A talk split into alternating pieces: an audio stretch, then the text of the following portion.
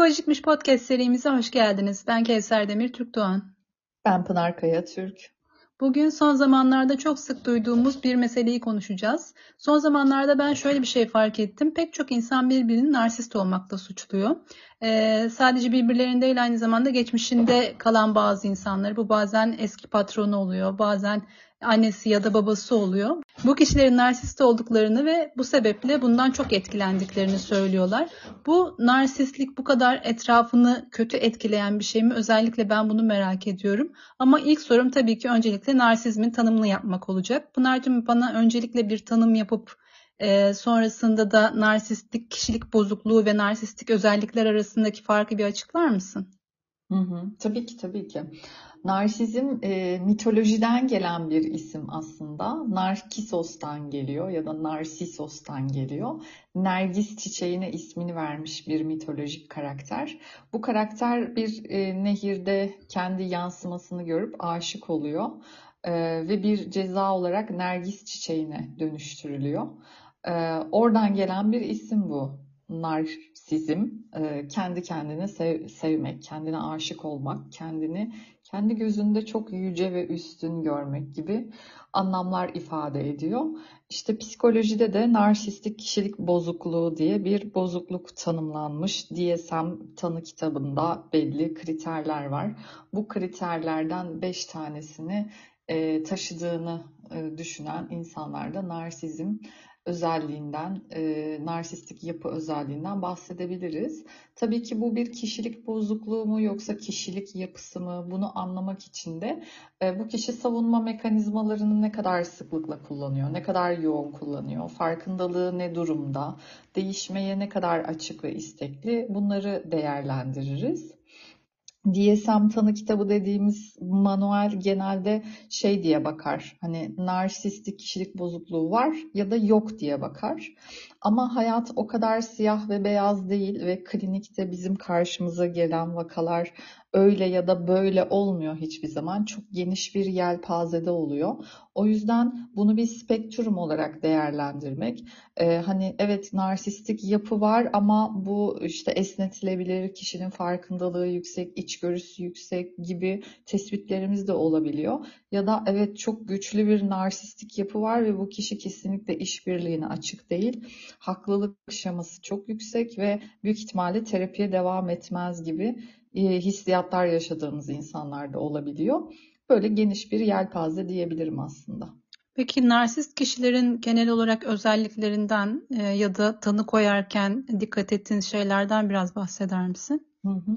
Ben direkt DSM'den e, örnekler vereyim. Hı, Burada 9 tane madde var mesela. E, bu 9 maddenin 5'i varsa e, bu kişide narsizmden şüphelenilebilir şeklinde bir önerisi var diye. Bakalım bende var mı? Hadi bakalım. Değerlendirelim kendimizi. Mesela diyor ki kendisinin çok önemli olduğu duygusunu taşır işte başarıları, yetenekleri bunları abartır. Ondan sonra bu başarılar ve yeteneklerle diğerlerinden üstün olduğuna inanır ve üstün olarak muamele görmeyi bekler. Var mı sende? Yani kendi kıymetimi biliyorum ama herkesten üstünüm gibi bir iddiam yok. Hı hı. Güzel. Bak burada da mesela şey hani kendimizi övmeyeceğiz ya da mütevazi olacağız diye e, ya da narsist görünmeyeceğiz diye kendimize haksızlık mı ediyoruz acaba? Soru işareti bende hep vardır. Hani bu narsizm Hı-hı. meselesi de çok patladı ya son zamanlarda. Hı-hı. İşte narsistler şöyle olur, böyle olur. Hani o kadar e, kötü bir karakter imajı çizildi Hı-hı. ve o kötü karakter imajından bir şekilde uzaklaşmamız lazım.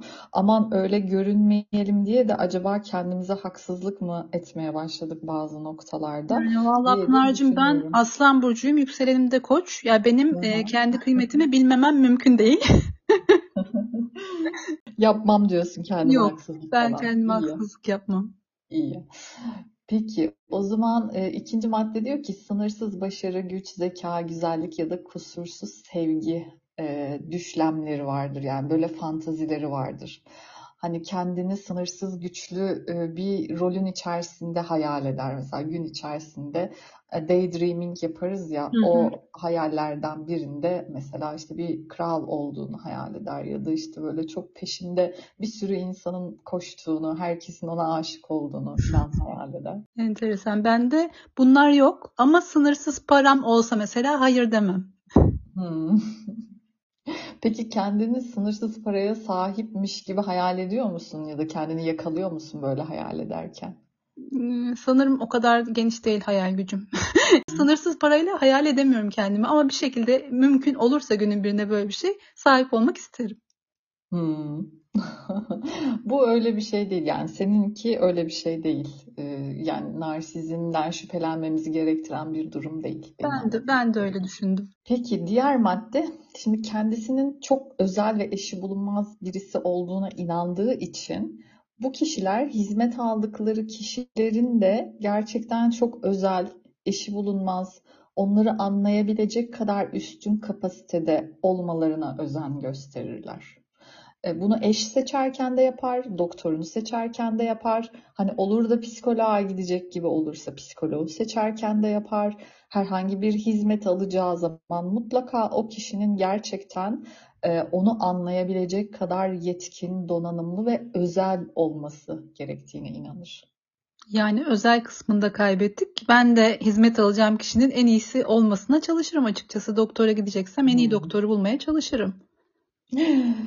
Ee, yani burada şey var. Evet bu güzel bir şey. Hani iyicene araştırma yapmak ve gerçekten iyi hizmet alabileceğin insanları bulmaya çalışmak. Ama burada kritik olan şey şu. O kişi e, yeterince özel ve donanımlı olmazsa beni anlayamaz endişesi ve düşüncesi. Mesela hmm. sıradan bir doktora gittiğinde de seni anlayabileceğine inanıyorsan Anladım. yine en iyisini araştırmakta sorun yok. Ama Hı. sıradan bir doktor beni anlayamaz. Ha, ben o kadar üstün bir insanım ki beni anlayabilecek kişinin de benim üstünlüğüme yakın olması Aynen. gerekiyor. Gibi. Yeterli olmaz benim Anladım. kapasiteme, benim potansiyelime. Hı hı. Yani benim beklediğim şey benim kapasitemle alakalı değil. Ben doktorun kapasitesinin yüksek olmasını isterim. Evet, burada öyle bir şey var. Yani gerçekten onu anlayabilecek kadar donanımlı özel insanlar ararlar. Aşağıdakilerin onları anlayamayacağını düşünürler. Hı hı.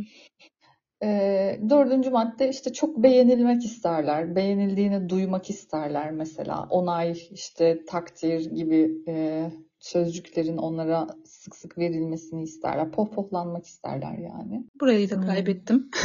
ben genelde kendi kendimi takdir etmekle yetiniyorum. Peki. Bir haklılık şemaları vardır mesela.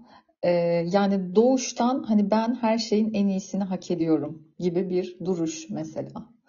Ee, ya da işte bir doktora gitti yine doktor örneği üzerinden gidelim. Ben zaten en iyi doktoru hak ediyorum çünkü en iyi olmayan zaten beni anlayamaz ve o doktorun yapacağı uygulama, muayene, tedavi yöntemi her neyse onu da benim beklentilerim ve ihtiyaçlarıma göre e, ayarlamalıdır. Yani bana da ayrıca muamele yapmalıdır gibi. Hmm. İşte mesela böyle bir insan terapi almaya kalkışsa diyelim.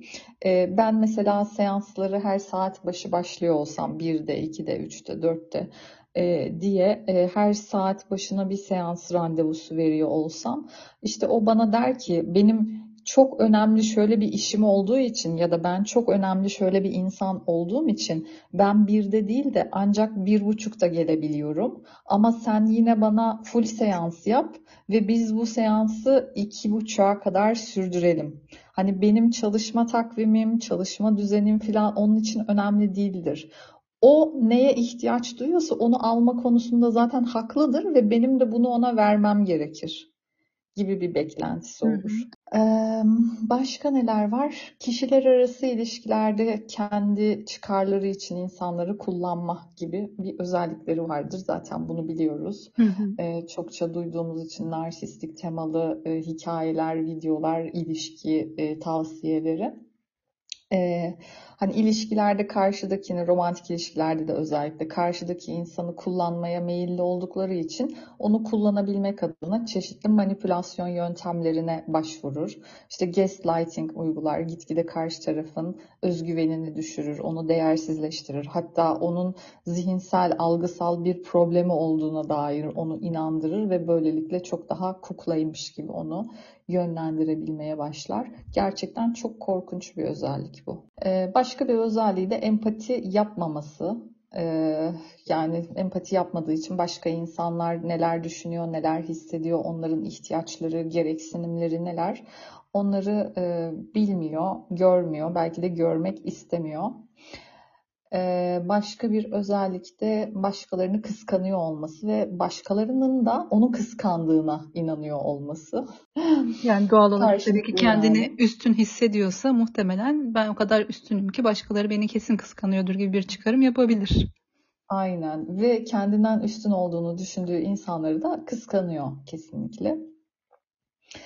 Ee, bir de dokuzuncu madde olarak kendini beğendiği için kendini beğenmiş davranışlar da sergiler. İşte ne bileyim aynaya bakmalar, işte yürürken böyle e, küçük dağları ben yarattım tarzında bir yürüyüş biçimi edinme, konuşmasında, beden dilinde bunu yoğun bir biçimde gösterme. Hani böyle narsistim ben diye bağıran insanlar olur ya.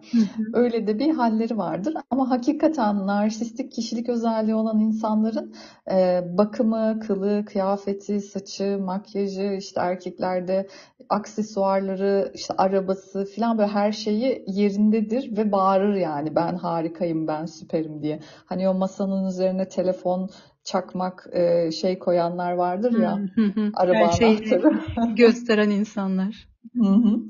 Aynen. Böyle davranışlarda görmek mümkündür narsistik bireylerde. Listemiz tamamsa benim aklımda daha evet. fazla soru canlandı. Elendin mi? ben elendim zaten. Ben daha 3 sorudan sonra tamam dedim. Yok benimle alakası bunun. Ama aklımda çok fazla sorular canlandı. Onları sormak için sabırsızlanıyorum şu anda. Tabii ki. Ee, öncelikle şunu fark ettim. Bu insanların hayattan beklentisi inanılmaz yüksek ve bunların karşılanamıyor olması lazım normal şartlarda. Bu beklentileri karşılanamadığı takdirde bir hayal kırıklığı yaşamıyorlar mı? Hayal kırıklığı yaşıyorlar mı bilmiyorum da e, böyle sürekli bütün hayatları bir mücadele, bir kıyaslama e, üzerinden geçiyordur diye tahmin ediyorum e, hani kıskanma ve kıskanıldığına inanma paterni var ya hı hı. E, işte o yapıyor o zaman ben de yapmalıyım. O elde etmiş o zaman ben de elde etmeliyim. Onu elde ettikten sonra başka bir hedef koyma ve onu elde etmek için uğraşma ve bunu yaparken o amaca giden her yolda alacağı bütün aksiyonları da mübah görme. Çünkü kendini haklı görüyor e, özel görüyor, diğer insanları kullanabileceğine inanıyor şeklinde böyle bir dünya yani. Böyle bir dünyada yaşayan insanlar yok mu? Var yani dünyanın bir kısmı hakikaten böyle bir gerçekliğin içerisinde yaşıyorlar. Yani bunlara şey diyebilir miyiz? Bütün dünya bana karşı diye söylemleri olan insanlar vardır. Sürekli sanki e, herkes haklıyım, haksızmış, onlar haklıymış ve sürekli bunun mücadelesini veriyormuş gibi davranırlar. Bu kişiler narsist olabilir mi? Ee, yani aktivistlik yapan insanları da mı kastediyorsun? Ha, onları kastetmedim. Daha ziyade günlük yaşamıyla ilgili mesela iş yerinde yaşadığı problemler. Sanki iş yerindeki herkes problemli. Bir tek o Hı-hı. sütten çıkma ak kaşık ve o onlara karşı Hı-hı. mücadele veriyor gibi davranırlar. Hı-hı. Ya da ilişkisinde de bu böyle olabilir. Hı-hı. Olabilir ama sadece tek bu varsa bu biraz kurban bilinciyle, şikayetçi bilinciyle bağlantılı. Ee, hani kurban, kurtarıcı, suçlayıcı üçgeni var ya, Hı. kurban konumunda kalmaya çalışmak, kurban konumunda kalabilmek için diğerlerini suçlamak, kendini mağdur ilan etmek şeklinde bir döngü de olabilir orada. Dediğim gibi bu 9 maddeden 5 tanesi tutmuyorsa onun narsistik olduğunu söyleyemeyiz. Anladım. Peki şey dedin ya işte masanın üzerine e, araba anahtarı ve değerli bir takım eşyalarını koyan insanlardan şüphelenebiliriz. Sosyal medyada aslında bir gösteriş yeri olduğu için, kendini pazarlama yeri olduğu için sosyal medyada kendini öne çıkarmaya çalışan insanlara da böyle şüpheyle yaklaşabilir miyiz acaba? Tabii bakabiliriz ama dediğim gibi tek bir maddeyle değil işte Hı hı. bu saydığımız 9 maddeden en az 5 tanesini de gözlemliyor olmamız lazım. Yani şimdi bir tanesini bulduk, 4 tane daha aramamız lazım. Anladım. Ve eğer gerçekten e, o özellikleri de buluyorsak hani 4 tane daha ekleyebiliyorsak yanına o hesap sahibinin e, genel kişilik özellikleri olarak belki de o hesapları takip etmememiz gerekiyor. Çünkü olumsuz etkileniyoruz. Hmm. Yani bir şekilde Evet. sosyal varlıklarız. Maruz kaldığımız uyaranları normalleştiriyoruz ve böyle olunması gerekiyor. Hayatı böyle yaşamak gerekiyor. Normal budur gibi istenmeyen bakış açılarına yakalanabiliyoruz. Evet. Ee, aslında en başında sormak istediğim sorulardan bir tanesi buydu. Direkt doğal olarak geldi konu buraya. Evet, sosyal medyadaki insanlardan bu şekilde etkilenebiliyoruz ama çevremizde de, çok yakın çevremizde de bu tip bireyler olabiliyor. Onlardan nasıl etkileniyoruz ve onlardan nasıl koruyabiliriz kendimizi? İşte orada da mümkün olduğunca uzak durmak lazım diye diye düşünüyorum ben. Hani bu e, YouTube'da filan şey videoları var ya, narsisti nasıl manipüle edersin? Ya girme kardeşim ne gerek var böyle bir şeye? Yani gerçekten e, hayatından çıkarabileceksen, hani iş değiştirebileceksen, işte sevgilinse ayrılabileceksen, komşunsa taşınabileceksen, bir şekilde onu hayatından çıkarmaya çalış. Çıkaramıyorsan da mümkün olduğunca az etkileşime girmeye çalış. Yani narsisten, narsisti nasıl manipüle edersin değil de kendini nasıl koruyabilirsin diye bakmaya çalış. En doğrusu bu kesinlikle. Yani bulaşmadan nasıl kendini koruyabilirsin? Buraya bakmak lazım. Hayatı boyunca e, bu özellikleri taşımış bir kişiyi manipüle edebileceğini düşünmüyorum. O kişi seni suya götürür, susuz getirir muhtemelen. Çünkü zaten pro hale gelmiş o konuda. Evet. Şimdi ben hep şunu söylüyorum. Ee, şimdi tamam sen kötüye kötülükle karşılık vermeye karar verdin. Okey. Ama sen gerçekten bir kötü kadar kötü olabilecek misin? Söz konusu kötülükse ve sen onu profesyonelce yapan, kendi özünde de zaten kötü olan bir insanı rakip olarak seçersen, onunla savaşmaya kalkarsan asla onun kadar kötü olamazsın. Yani her seferinde o senin bir tık üstüne çıkabilir. Hiç e, kazanamayacağın bir savaşa giriyorsun aslında. Bir de şöyle bir şey var. O kişi seninle savaşmaktan zaten mutluluk duyacaktır. Sen ona keyif vereceksin. Hiçbir zaman onu rahatsız etmeyeceksin. Ama sen bu Aynen. kötülüğü yapmaya ve bu mücadeleye alışık olmadığın için e, sonuç sonuca baktığımızda rahatsız olan kişi sen olacaksın. Aynen, aynen öyle. O yüzden bence bu ma- narsistleri manipüle etmeye çalışan tipler aslında narsistik kişilik yapılanmasına sahip olan ama tam anlamıyla narsist olamayan tipler Hmm. oluyor. Ve ben nasıl tam anlamıyla narsist olabilirim diye bir araştırma içerisine girmiş oluyorlar belki de. Ha bu arada böyle danışanlarım da vardı benim. Ee, ben insanları nasıl manipüle edebilirim? Bana öğretir misin? Hiç aklıma gelmezdi gidip psikoloğuma böyle bir şey sormak. Ya işte Kevser. Peki bu sorudan tabii ki sen bir takım çıkarımlarda bulunuyorsundur herhalde. Bu terapi sürecini hı. nasıl etkiliyor? Yani terapi sürecinde şöyle bir hamle yapıyorum. Ee, insanları manipüle etmenin en önemli yolu kendini iyice tanımak ve kendini en iyi şekilde yönetebilmek. Kendini yönetemeyen kişi ne diğer insanları yönetebilir ne ilişkilerini Hmm. yönetebilir. Kendini tanımaya ve kendini yönetmeye niyet ettikten sonra da zaten o terapi yolculuğu bambaşka bir yere doğru gidiyor. Aslında onun gitmek istemediği bir yere doğru gidiyor ama sağlıklı bir yere doğru gidiyor. Hı hı. Sonra durup baktığında aa ben nasıl buraya geldim ve beni nasıl getirdiniz şeklinde hem hayrete düşüyor hem de Bir bakmışsın e, psikoloğun seni manipüle etmiş. hem hayrete düşüyor hem de minnettar hissediyor kendini. O da çok güzel ve tatmin edici bir duygu bence. Ee, bu psikoloğun seni manipüle etmiş deyince bir anım aklıma geldi. Ee, bir danışanımın eşini terapiye davet etmek istedim ben. O da terapiden son derece uzak bir insandı. Hı hı. Ee, terapiye gel, geleceğim demiş ama yani hani her ne kadar uzak olmasına rağmen tamam geleceğim bir seans görüşeceğim demiş. Tamam. Gelmeden önce de iyicene hazırlanmış tamam mı bana neler söyleyeceğine dair. Yani nereden saldıracağını oturup yazmış resmen.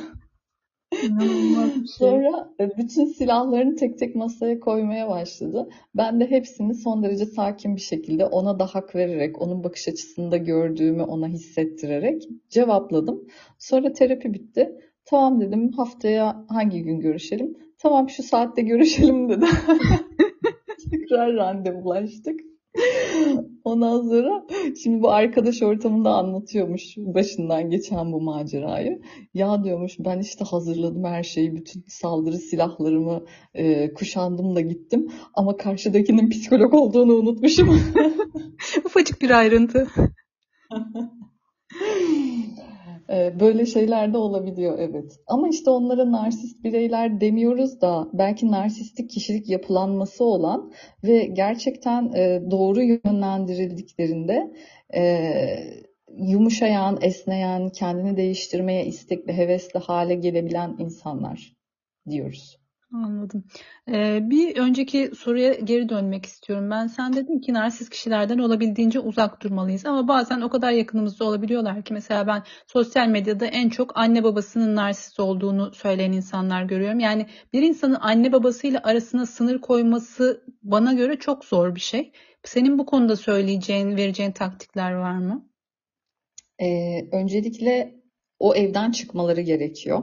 Yani anne baba evinden çıkabilecek maddi ve manevi olgunluğa ulaşmaları gerekiyor. O yüzden işte e, bir okuldan mezun olmaksa mezun olmak, bir sertifika ise sertifika, işse iş bir şekilde kendini idame ettirmeyi öğrenmesi gerekiyor. E, hani sadece kendi evimi tutamıyorum, hayat çok pahalı vesaire diyenler de olabilir çok haklı bir şekilde. Mümkünse paylaşımlı bir evde kalmak, bir oda kiralamak, yurda çıkmak bile faydalı bir seçenek olabilir. E, bu noktada genelde insanlar şey yapıyorlar, hatalı evlilikler yapıyorlar. E, böyle bir şey tabii ki tavsiye edilmez. E, çünkü o hatalı evlilik zaten şey oluyor hani yağmurdan kaçarken doluya tutulmak oluyor. O yüzden hani paylaşımlı evde kalmak, yurda çıkmak gibi bir şekilde o ortamdan kendini kurtaracağı seçenekler kendine yaratmak. Sonrasında e, mümkünse terapiye başlamak değilse kişisel gelişim kitapları, işte e, uzmanların paylaştığı bilgiler, videolar bunlarla sürekli kendini yeniden inşa etmek. Sonrasında da e, yeterince güçlü hissediyor hale geldiğinde belki eğer istekliyse ve hevesliyse ailesi yeniden e, bir bağ kurmaya çalışmak eğer o bağ kurmaya çalışırken karşıdaki insanların hiç değişmediğini, hiç farkındalık kazanmadığını ve bunu da yapmaya hiç müsait olmadıklarını görüyorsa da yine mümkün olduğunca sınırlı ve yüzeysel bir ilişkiyle devam etmek benim tavsiyem. Anladım. Biraz daha geriye dönelim şimdi. Hep söylüyoruz çocukluğa dayanıyor mutlaka problemlerin kaynağı. E, narsist bir ebeveynle, bir anne ya da babayla e, yetişmek nasıl bir şey? Bir çocuk nasıl etkilenir bundan? E, iki türlü etkilenebilir. Birincisi narsist ebeveyn gerçekten kendiyle o kadar meşguldür ve etrafındaki insanları o kadar çok manipüle edip e, kullanır ki o çocuk e, şeyi hissetmeye başlar. Hayatta kalmanın tek yolu bu ve ben de gücü elime aldığımda bunu yapacağım.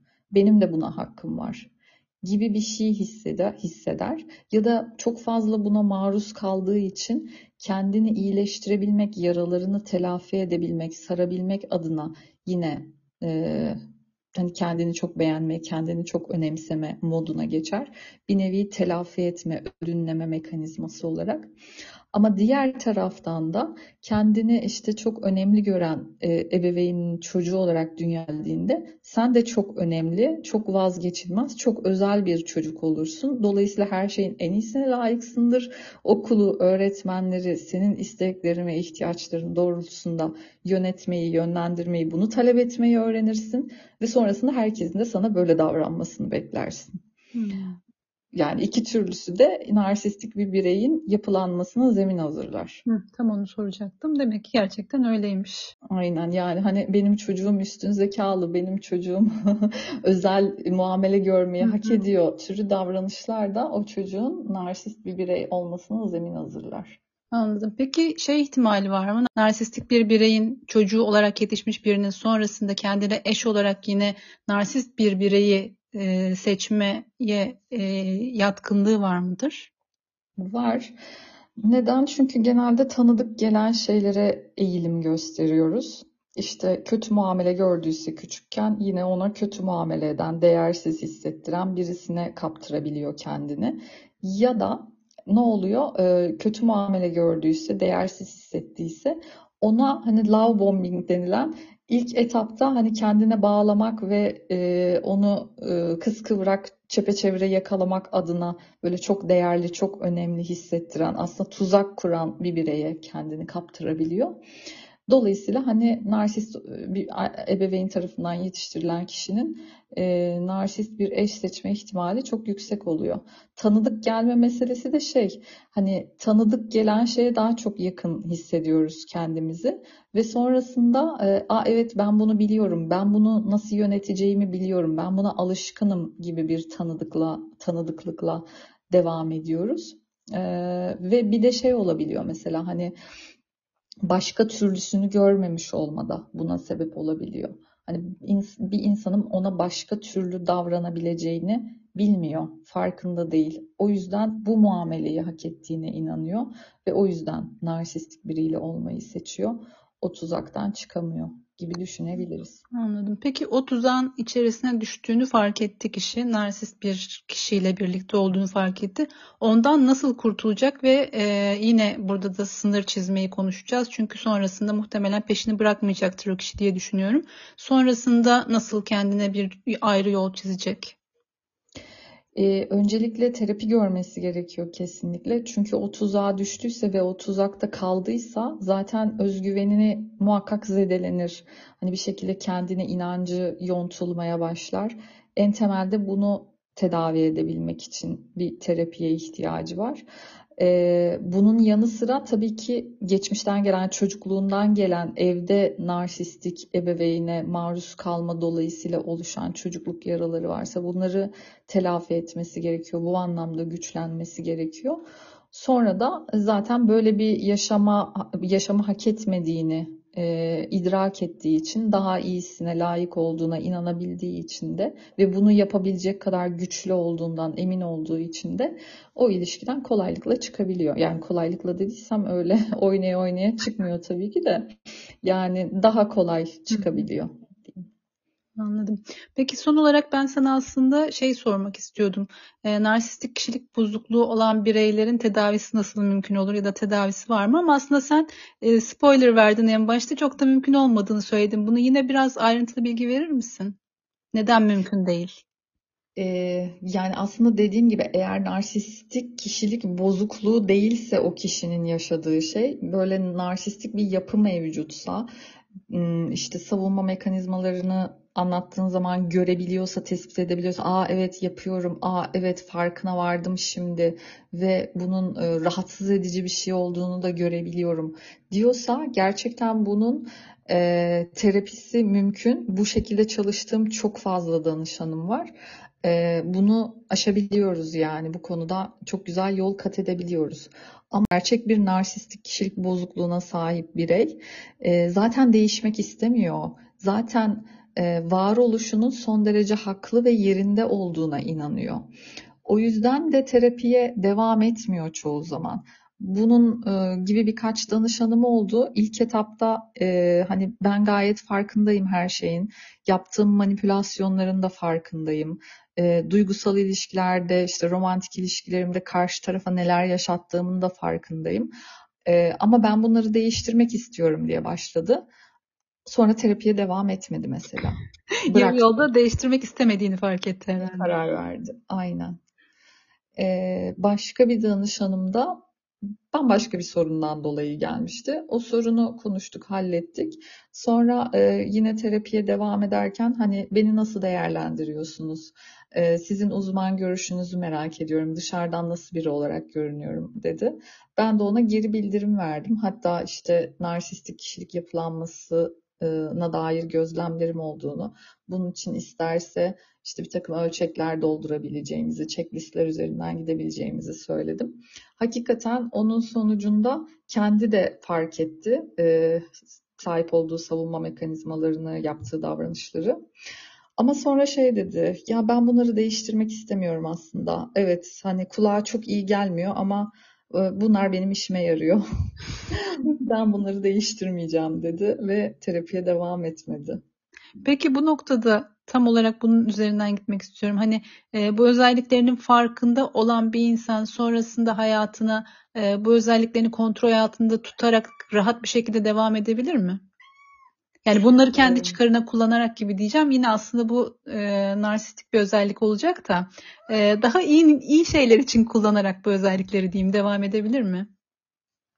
Yani iyi şeyler için ne olabilir mesela? Hani doktordur, e, çok daha mesleğinde iyi olmaya çalışır mesela, daha da profesyonelleşir, işte doçent olur, profesör olur filan filan. Hı hı. E, hani ben iyiyim, iyi iyi şeyleri hak ediyorum, iyi yerlere layığım, herkes bana saygı duysun falan. Zaten akademik camiaya baktığımızda da bu tür pozisyonlarda olan insanların narsistik altyapıya sahip insanlar olduğunu da biliyoruz. E, hani böyle bir faydası olabilir.